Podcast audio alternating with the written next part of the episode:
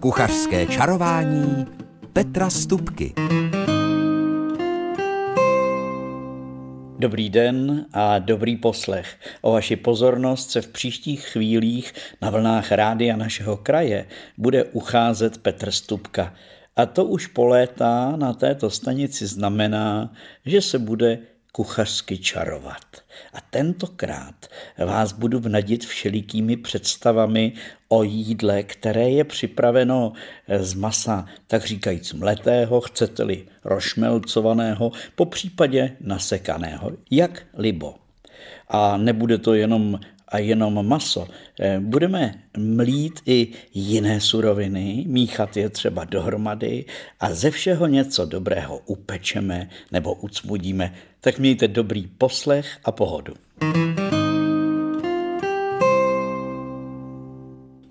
Ještě než se pustíme do jednotlivých receptů, a není jich málo, které lze připravit z mletého masa nebo kombinace mletého masa s jinými surovinami, tak mám pro vás jakási univerzální pravidla. A to bez ohledu na to, zda preferujete hovězí maso, vepřové, jehněčí, nebo patříte do milovníků drůbežího masa. Mějte prostě na paměti to, co právě teď pronesu. Za prvé, Raději si namelte či nasekejte maso sami. Myslím pochopitelně, takže koupíte kus masa a ten si doma semelete, protože v tu chvíli víte přesně, co potom na závěr sníte. Ne, že by to kupované mleté maso nebylo dobré, to vůbec nechci říkat, ale přece jenom několikrát se mi stalo, že jsem s tím semletým přineseným z obchodu nebyl prostě a jednoduše úplně spokojen. Vedle toho klasického mletí lze maso také sekat pomocí rotujících nožů v nějakém strojku, nebo dneska jsou i mixéry, ve kterých lze maso takhle rozsekat, rošmelcovat. Ta nasekaná fáž z masa z pravidla lépe váže, tedy drží pohromadě, než to eh, hruběji semleté maso. Pokud to maso sekáte, nakrájejte ho nejprve na menší kousky a teprve potom vkládejte do příslušné nádoby a hned také přidávejte příslušné koření, sůl a také trochu tekutiny, Ostatně tekutina do mletého masa, to je další důležitý kuchařský fígl. Takže do každého, ať už to bude takové či onaké maso, je třeba přidat tekutinu. Smetanu, mléko, vodu, pivo, záleží samozřejmě na tom, kterém receptu. Té tekutiny by mělo být na půl kila masa 150 ml, tedy deci a půl.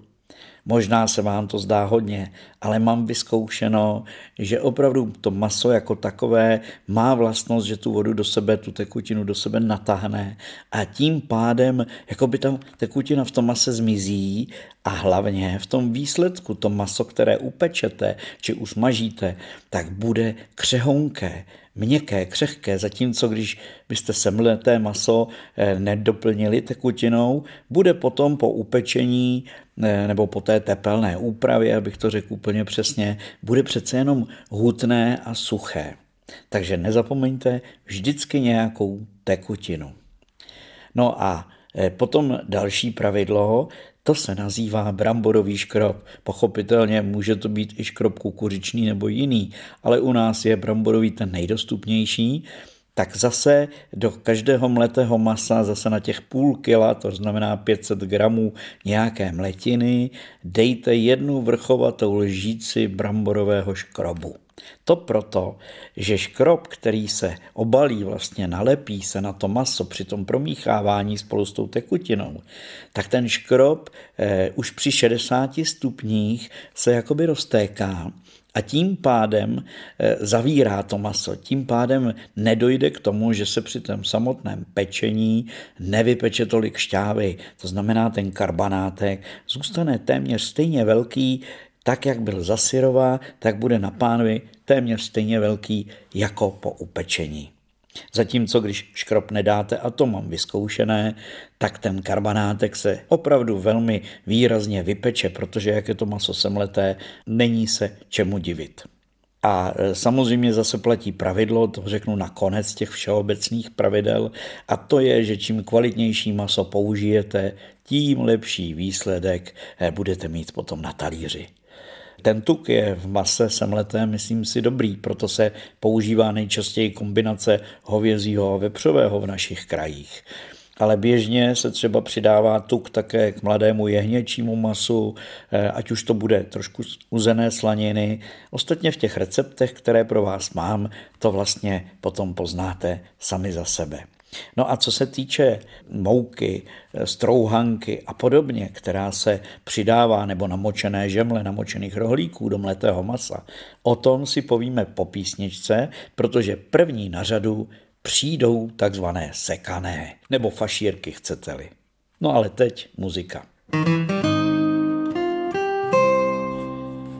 Před písničkou jsem vám slíbil, že připravíme fašírku nebo chcete-li sekanou, takovou tu domácí. Pochopitelně ta kupovaná u řezníka eh, je většinou taková trochu jiná, než se nám povede udělat jí doma. Ale mám na to fígl, jak i doma si může člověk připravit takovou pěknou, do červená zabarvenou sekanou. V tom případě potřebujete do toho mletého masa přidat trošičku takzvané rychlosoli nebo pragandy a sůl jako takovou. Ono té pragandy se dává jenom opravdu maličko. A to je ten řeznický fígl.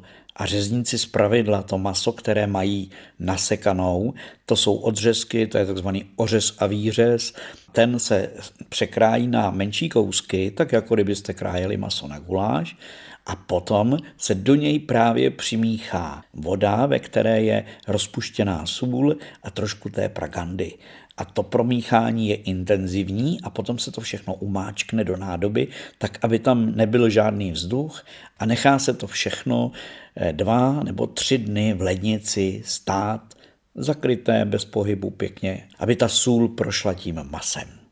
Druhá varianta, bez té pragandy, bez takzvané rychlosoli, je, že se přidává k té soli do takového toho nálevu, řekněme, budeme mít dvě kila masa na tu sekanou, nakrájeného na drobno, tak vezmete na ty dvě kila tak dvě deci, dvě a půl deci, to znamená čtvrt litr vody, do něj dáte hrstku soli a zároveň tam přidáte, řekněme, vrchovatou lžíci běžného krystalu cukru. Ten cukr působí podobně jako ta praganda, i když ne tak intenzivně. Rozmícháte v té vodě tu sůl a cukr, tou vodou vlastně zalijete to nakrájené maso, důkladně promícháte a následně zase umáčknete do nádoby a necháte eh, tady v tom případě spíš 4-5 dnů, případně máte-li možnost, můžete to zavákovat do sáčku a necháte to pěkně zase v chladu ležet. A teprve potom, po těch pěti dnech nebo čtyřech dnech, to maso se melete. Mletí masa zvlášť toho, které není takové to top, to znamená takové to čisté maso, minutkové, tak to je věda sama o sobě, protože ten mlínek, eh, který běžně míváme doma, nebývá tak naostřený, jako mají řezníci takže se to často v tom strojku chmoustá všelijak a prostě zlobí to. Takže to je také důležité, když chcete mlít takovéhle maso, které je více vláknité, tak je třeba opravdu mít na to dobrý mlínek, abyste se s tím nestekali. A nebo jít k tomu řezníkovi. Takže teď máme namleté připravené maso na tu sekanou.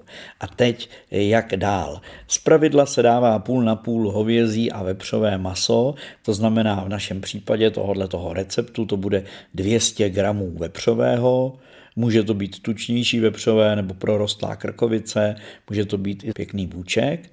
No a 200 gramů hovězího předního masa. Do toho, když máme 200 a 200, to znamená 400 gramů, tak by patřilo tak deci vody. Případně chcete-li mít jemnější tu fašírku, tak můžete dát i mléko, může to být deci a půl klidně také. Dále, tohle je takový recept opravdu z domácí kuchařky, takže dále tam patří jedno vajíčko, 60 gramů slaniny a potom tam patří mouka, z pravidla se dává tady v takové té domácí produkci polohrubá mouka, která se vám lépe než hladká rozmíchá s tím masem. A samozřejmě koření. Nesmí tam chybět mletý kmín, osobně doporučuji dát trochu mletého zázvoru, eh, česnek, tam by na tohleto množství klidně mohlo přijít nějakých 30 až 40 gramů čerstvého prolisovaného česneku. A klidně do takovéhle domácí fašírky bych dal teď už na políčku, bude za chviličku petrželka, tak buď petrželku, nebo tam můžete přidat trošku libečku. Pochopitelně naše babičky nezapomněly do takové sekané dát majoránku, ale jsou případy, že dávají rádi lidé i třeba takové ty provencálské bylinky, to znamená nějaké takovéhle suché koření dle chuti a libosti. No a pak už je to velice jednoduché, protože na začátku je to mleté maso, do něj se přidá tekutina, sůl.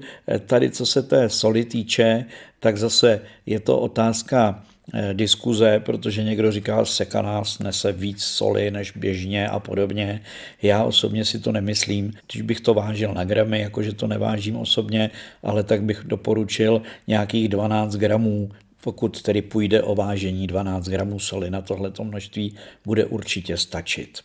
Možná jste si řekli, no ale do takové fašírky patří přece namočené rohlíky nebo namočená žemle. Tak klidně můžete přidat i strouhanku, ale nutné to není. Stačí tohleto, ale nezapomeňte, a to podotýkám znova, přidat do toho všeho jednu vrchovatou lžíci bramborového škrobu. A v tom případě můžete klidně vynechat i tu mouku, o které jsem mluvil, ale která je zase tradiční a do sekané se dává. Takže tohle to byla taková úplně klasická sekaná. S tím, že eh, tu zmiňovanou slaninu je třeba, nebo špek, je třeba nakrájet na drobné kostičky a vmíchat ji do té fáše. A tu fáše třeba důkladně promíchat. Opravdu na to dbejte, aby se to maso s těmi ostatními surovinami doslova do písmene vyšlehalo. Je to trošku namahavé, pokud to budete dělat jenom ručně, ale stojí to za to. No a potom už tu sekanou jako takovou, takhle zadělanou, našlehanou, namíchanou dávám na trošku v pekáčku, mám trochu vody a vyndám vlastně z té mísy tu fáš a tu fáš namočenýma rukama stvaruji do šišky a položím ji na tu vodu, na tu mírnou vlastně hladinku vody, která je v pekáči a šup s tím do trouby. A na začátku je třeba pec tu sekanou spíš eh, na jemnou teplotu, to znamená na nějakých 140 stupňů přikrytou. A až té druhé části ji můžete odkrýt a péci při vyšší teplotě.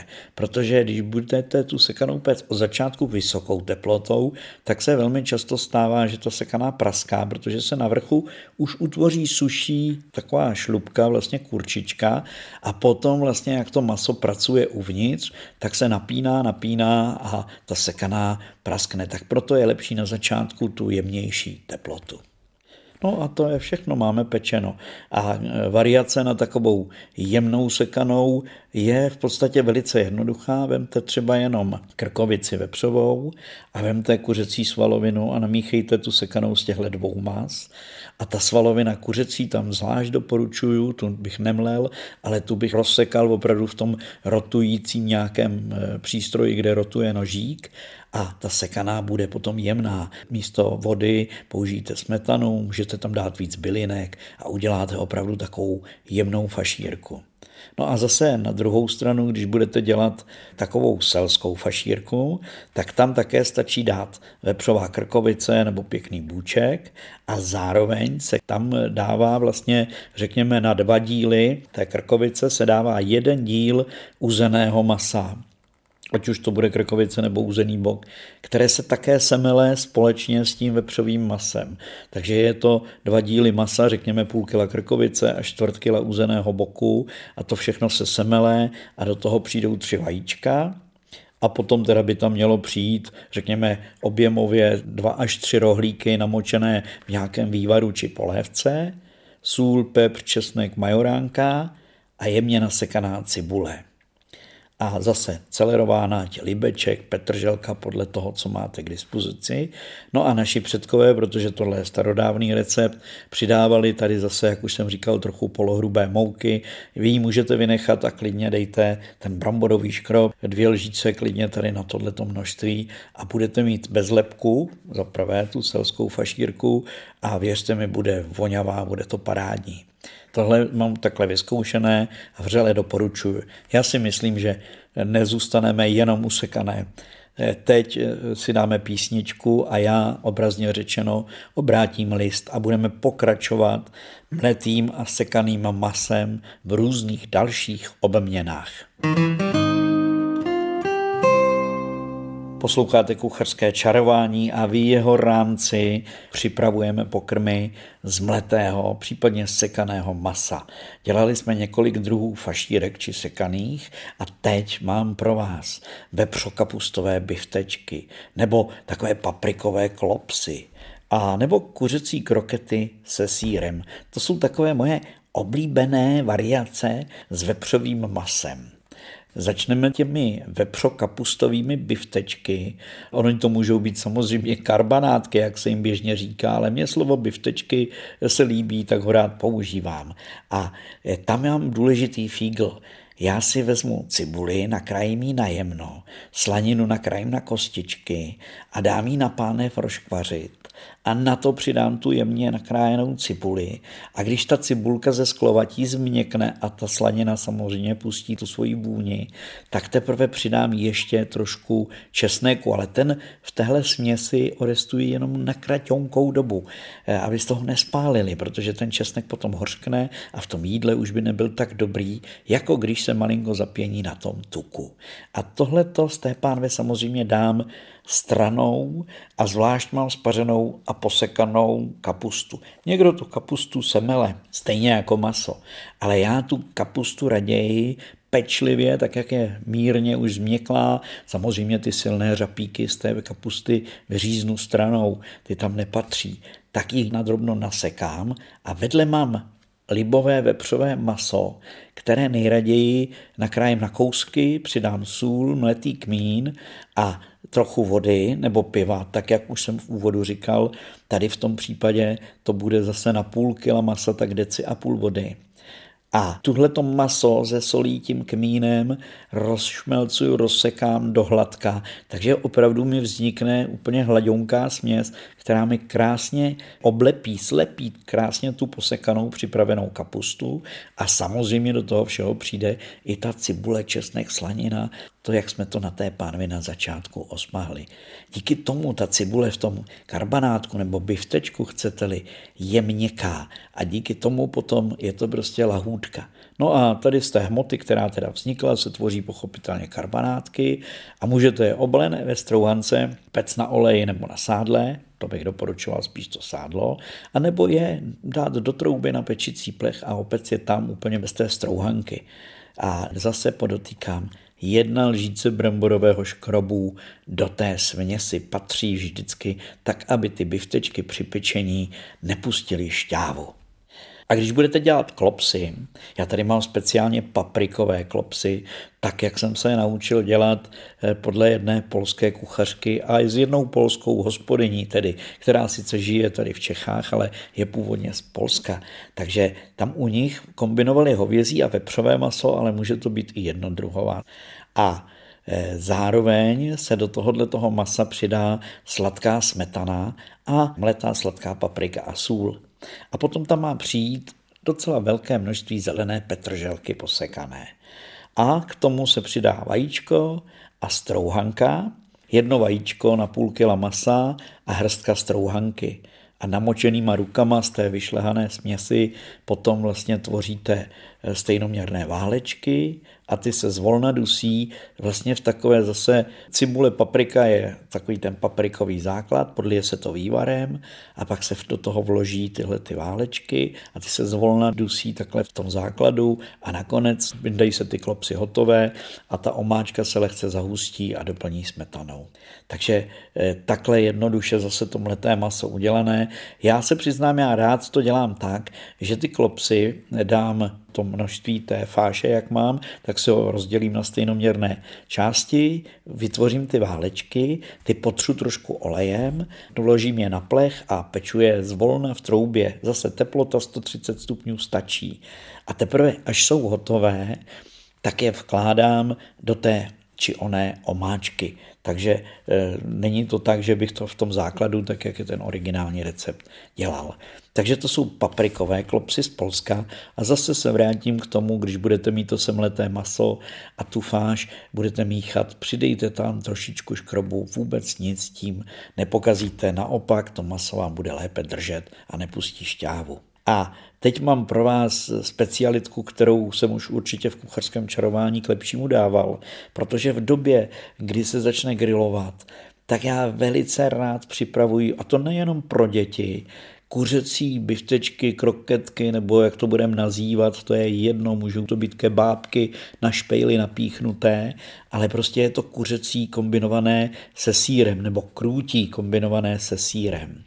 A když to vemu zase poměrově, tak když budete mít 300 gramů nějaké ty kuřecí svaloviny, prsíčka kuřecí a k tomu dám 150 gramů síra strouhaného.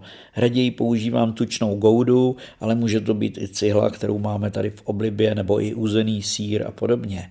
Takže 300 gramů masa, 100 gramů nebo 150 gramů toho strouhaného síra k tomu nějakých 150 ml mléka nebo vody. Já místo strouhanky tam přidám trošku ovesných vloček, ale není to nutné. Eh, můžete mít opravdu jenom sír, maso, nemusí tam být ani vajíčko, trošku toho mléka, protože to kuřecí, když rozsekáte na jemno, tak věřte mi, že vám to krásně slepí dohromady a bude to všechno držet. Takže nezapomeňte zase, tady nemusí být ani vrchovatá polevková lžíce škrobů, eh, koření podle chuti, já velmi rád dávám sůl a muškátový květ a hodně těch bylinek zelených. A věřte mi, když potom to rozsekané maso spojíte s tím ostatním, promícháte to a pečete z toho biftečky, tak je to lahůdka, kterou si člověk zamiluje. Takže eh, to jsou takové tři specialitky. Teď si dejme zase hudební mezihru a hned po ní se podíváme trošičku do světa a uděláme si nějakou světovou nebo světoznámou specialitku, samozřejmě z mletého masa. thank you kucharském čarování dnes vaříme především z mletého a sekaného masa a teď se rozhlédneme trošku po světě a nemusíme ani do světa, stačí i u nás v našich restauracích.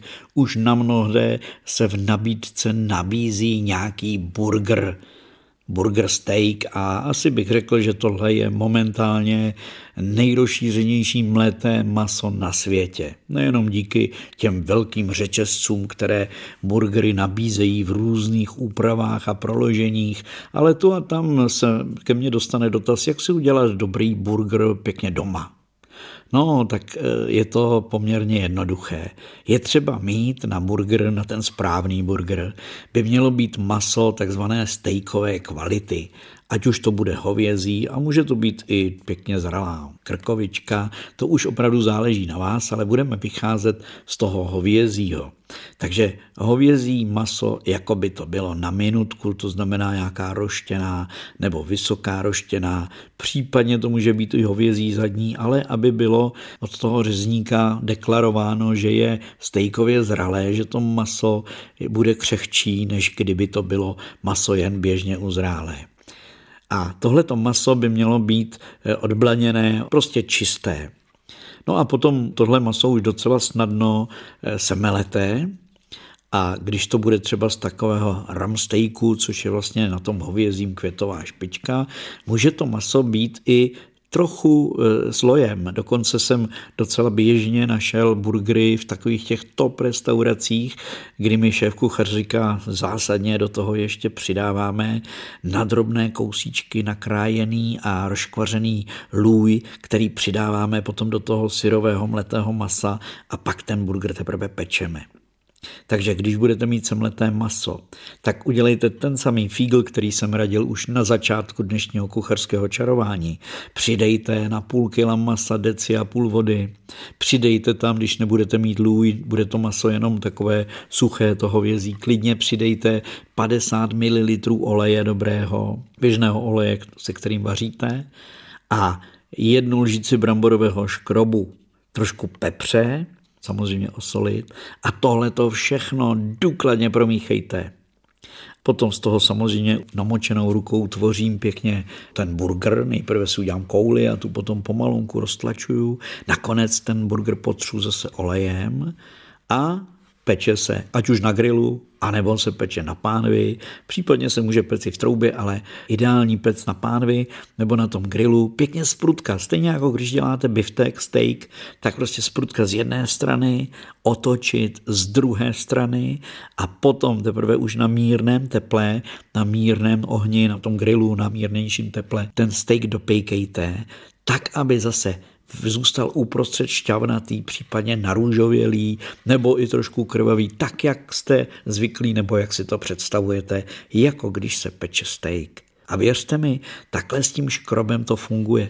Já když jsem dělal kurzy vaření, tak jsme si dělali takový pokus, že jsme tohle kvalitní maso na burger dávali část ho stranou aby jsme si zkusili bez škrobů a druhou část jsme použili škrob a úplně to bylo na tom grilu vidět na první pohled, že to maso bez toho škrobu pouštělo ze sebe šťávu, smrsklo se, ten burger byl prostě o třetinu menší, zatímco ten burger, ve kterém bylo trošku toho škrobu, tak ten byl perfektní a zůstal téměř tak velký, jako byl za syrova.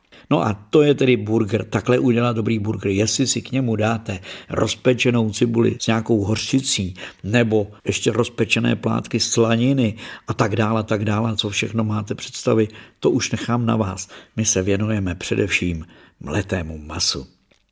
No, pak tady mám třeba inspiraci z Ázie, z Thajska. Tam samozřejmě jinak ochutí to maso. Může to být maso vepřové, může to být maso rybí dokonce a často používají mletý koriandr, kurkumu, trošku čili koření, a někdy přidávají i do toho trošku rybí omáčku. Jestli ji nemáte, můžete použít trošku sojové omáčky nebo používají i kokosové mléko do toho masa a vytvoří prostě směs. A zase radím, přidejte bramborový škrob, případně bílek nebo celé vajíčko, tuhle tu směs důkladně promíchejte a potom tvořte třeba kuličky, napichujte je na špejličky a můžete je pec v troubě, anebo je můžete pec na grilu, jak nebo. Takže úplně jednoduše je to jenom čisté semleté nebo rozsekané maso, které se spojí trošku škrobů, případně tím vajíčkem. Nedává se do toho žádná mouka, žádná strouhanka, nic dalšího. Ale jedl jsem velice zajímavé biftečky a už jsem je už několikrát také připravoval, kdy se použilo z poloviny běžné rybí filé, rozkrájené na drobné kousky, vařené brambory nastrouhané na hrubo, vajíčko, trošku škrobu koření, sůl, promícháte, nezapomeňte přidat spoustu petržele nebo libečku, nebo případně, kdo má rád i koriandr, může být zelený, prostě zelený bylinek a pečte z toho placičky, kuličky nebo válečky, jak budete chtít. Na rozdíl od toho maročané, do třeba semletého kuřecího masa dávají výraznou porci římského kmínu, papriku, zázvor, pepř a posekanou petrželovou náď, případně i dávají čerstvou mátu do toho masa. A samozřejmě nešetří ani česnekem a dokonce do toho masa přidávají trošku jogurtu a důkladně promíchanou směs potom pečou buď v troubě v pekáčku spolu s nějakou zeleninou, anebo z toho dělají různé kuličky nebo váličky a pečí je na grilu.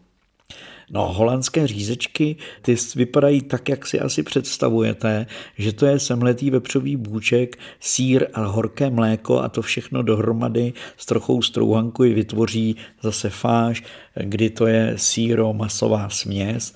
Zkuste to udělat s kuřecím, jak jsem mluvil před písničkou. No a v Mexiku do mletého masa velmi často přidávají kolik masa, tolik uvařených červených fazolí a všechno to se melou dohromady.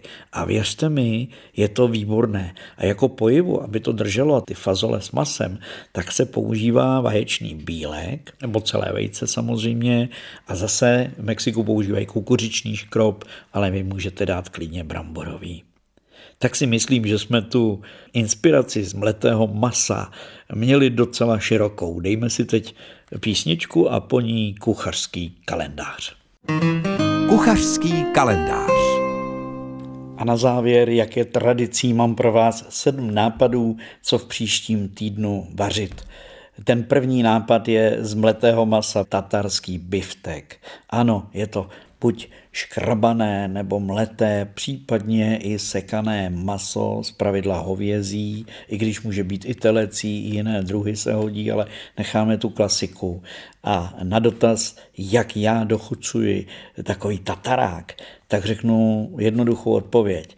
Dávám do něj zase trošičku vody, trošičku oleje, když to maso na tatarák je úplně čisté, bez tuků, tak dám malilinko oleje, na půl kila masa řekněme dám půl deci oleje a deci vody, sůl, potom tam přidávám trošku pepře, malinko jemně semletého českého kmínu, protože jsme v Čechách, tak mám rád takovéhle přichucení Potom vlastně můžete všechno zjemnit žloutkem a perfektně vymíchat. Takže žádné další hořčice a kyselosti a sladkosti do toho vůbec nedávám.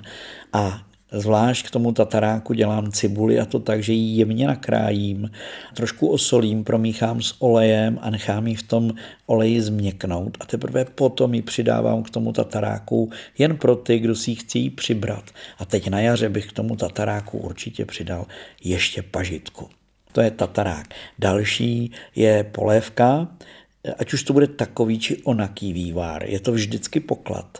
A když ještě uděláte na pánvi z rošlehaných vajec takovou placatou tenkou omeletu a pak ji nakrájíte na nudle nebo na čtverečky, případně i trojuhelníčky, tak tomu můžete říkat vaječná sedlina a takový vývar s nitkama zeleniny a touhle vaječnou sedlinou je doslova do písmene osvěžující a výborný. No a luštěniny, nezapomeňte na ně. Taková čočka po indicku udělaná, kam se dává hodně koření, kde je také spousta zeleniny, tak to je pro mě osobně z rýží, to prostě je svátek. Tak udělejte čočku tak či onak, je vždycky zdravá a dobrá. Ryba. Teď už dlouho plánuju, že upeču kousky ryby, ale zapeču ho v těstě. Udělám sírové těsto, kdy dáte Jeden díl je tuk, může být máslo, může být kus sádla, eh, další díl, stejný díl je sír nastrouhaný a třetí díl jsou brambory. A všechno to zase spojí trošku škrobu. A udělám takovéhle eh, bramborovo-sírové těsto, ve kterém je hodně tuku. A do toho vlastně zabalím tu rybu a dám to do trouby a rozpeču to a je to výborné. Potom další sladkost. No, eh, sladkost to mám nápad, jestli máte doma dva banány, které už jsou takové trošku víc zralé, tak si udělejte banánový chléb. Je to jednoduchý a díky banánu je ten chlebíček, který se upeče ve formě, velice vláčný a dobrý. Já do něj přidávám ještě kousky čokoládky. Ostatně eh, recept na něj najdete na internetu určitě. No a kuřecí špalíky, to mám velice rád. Koupím kuřecí špalíky, vykostím je, tu kost dám vařit do polévky. Do toho špalíku potom vložím nádivku, třeba houbovou, nebo klasickou jarní s bylinkami a ten špalík vlastně navrch má tu kůži a ze spoda má kousek té nádivky a potom na talíři to vypadá, jako by to byla taková kuřecí upečená buchtička. No a na závěr mám tip na dobrý segedín, protože když se udělá dobrý segedín, ať už bude s knedlíkem, nebo si k němu dáte nějaké nočky, nebo špecle, tak jak jsem to jedl v Maďarsku naposledy, to už nechám na vás, ale určitě to bude dobrota. A na závěr už zbývá jenom popřát vám, ať vám chutná všechno, co vám naservírují ty příští dny na talíř, ale i do života. Za týden se budu těšit zase naslyšenou. Pro dnešek se s vámi loučí Michal Kolář, který technicky to všechno dal dohromady a kuchařský čaroděj Petr Stupka, který vám věřím, že dělal velmi dobré chutě. thank you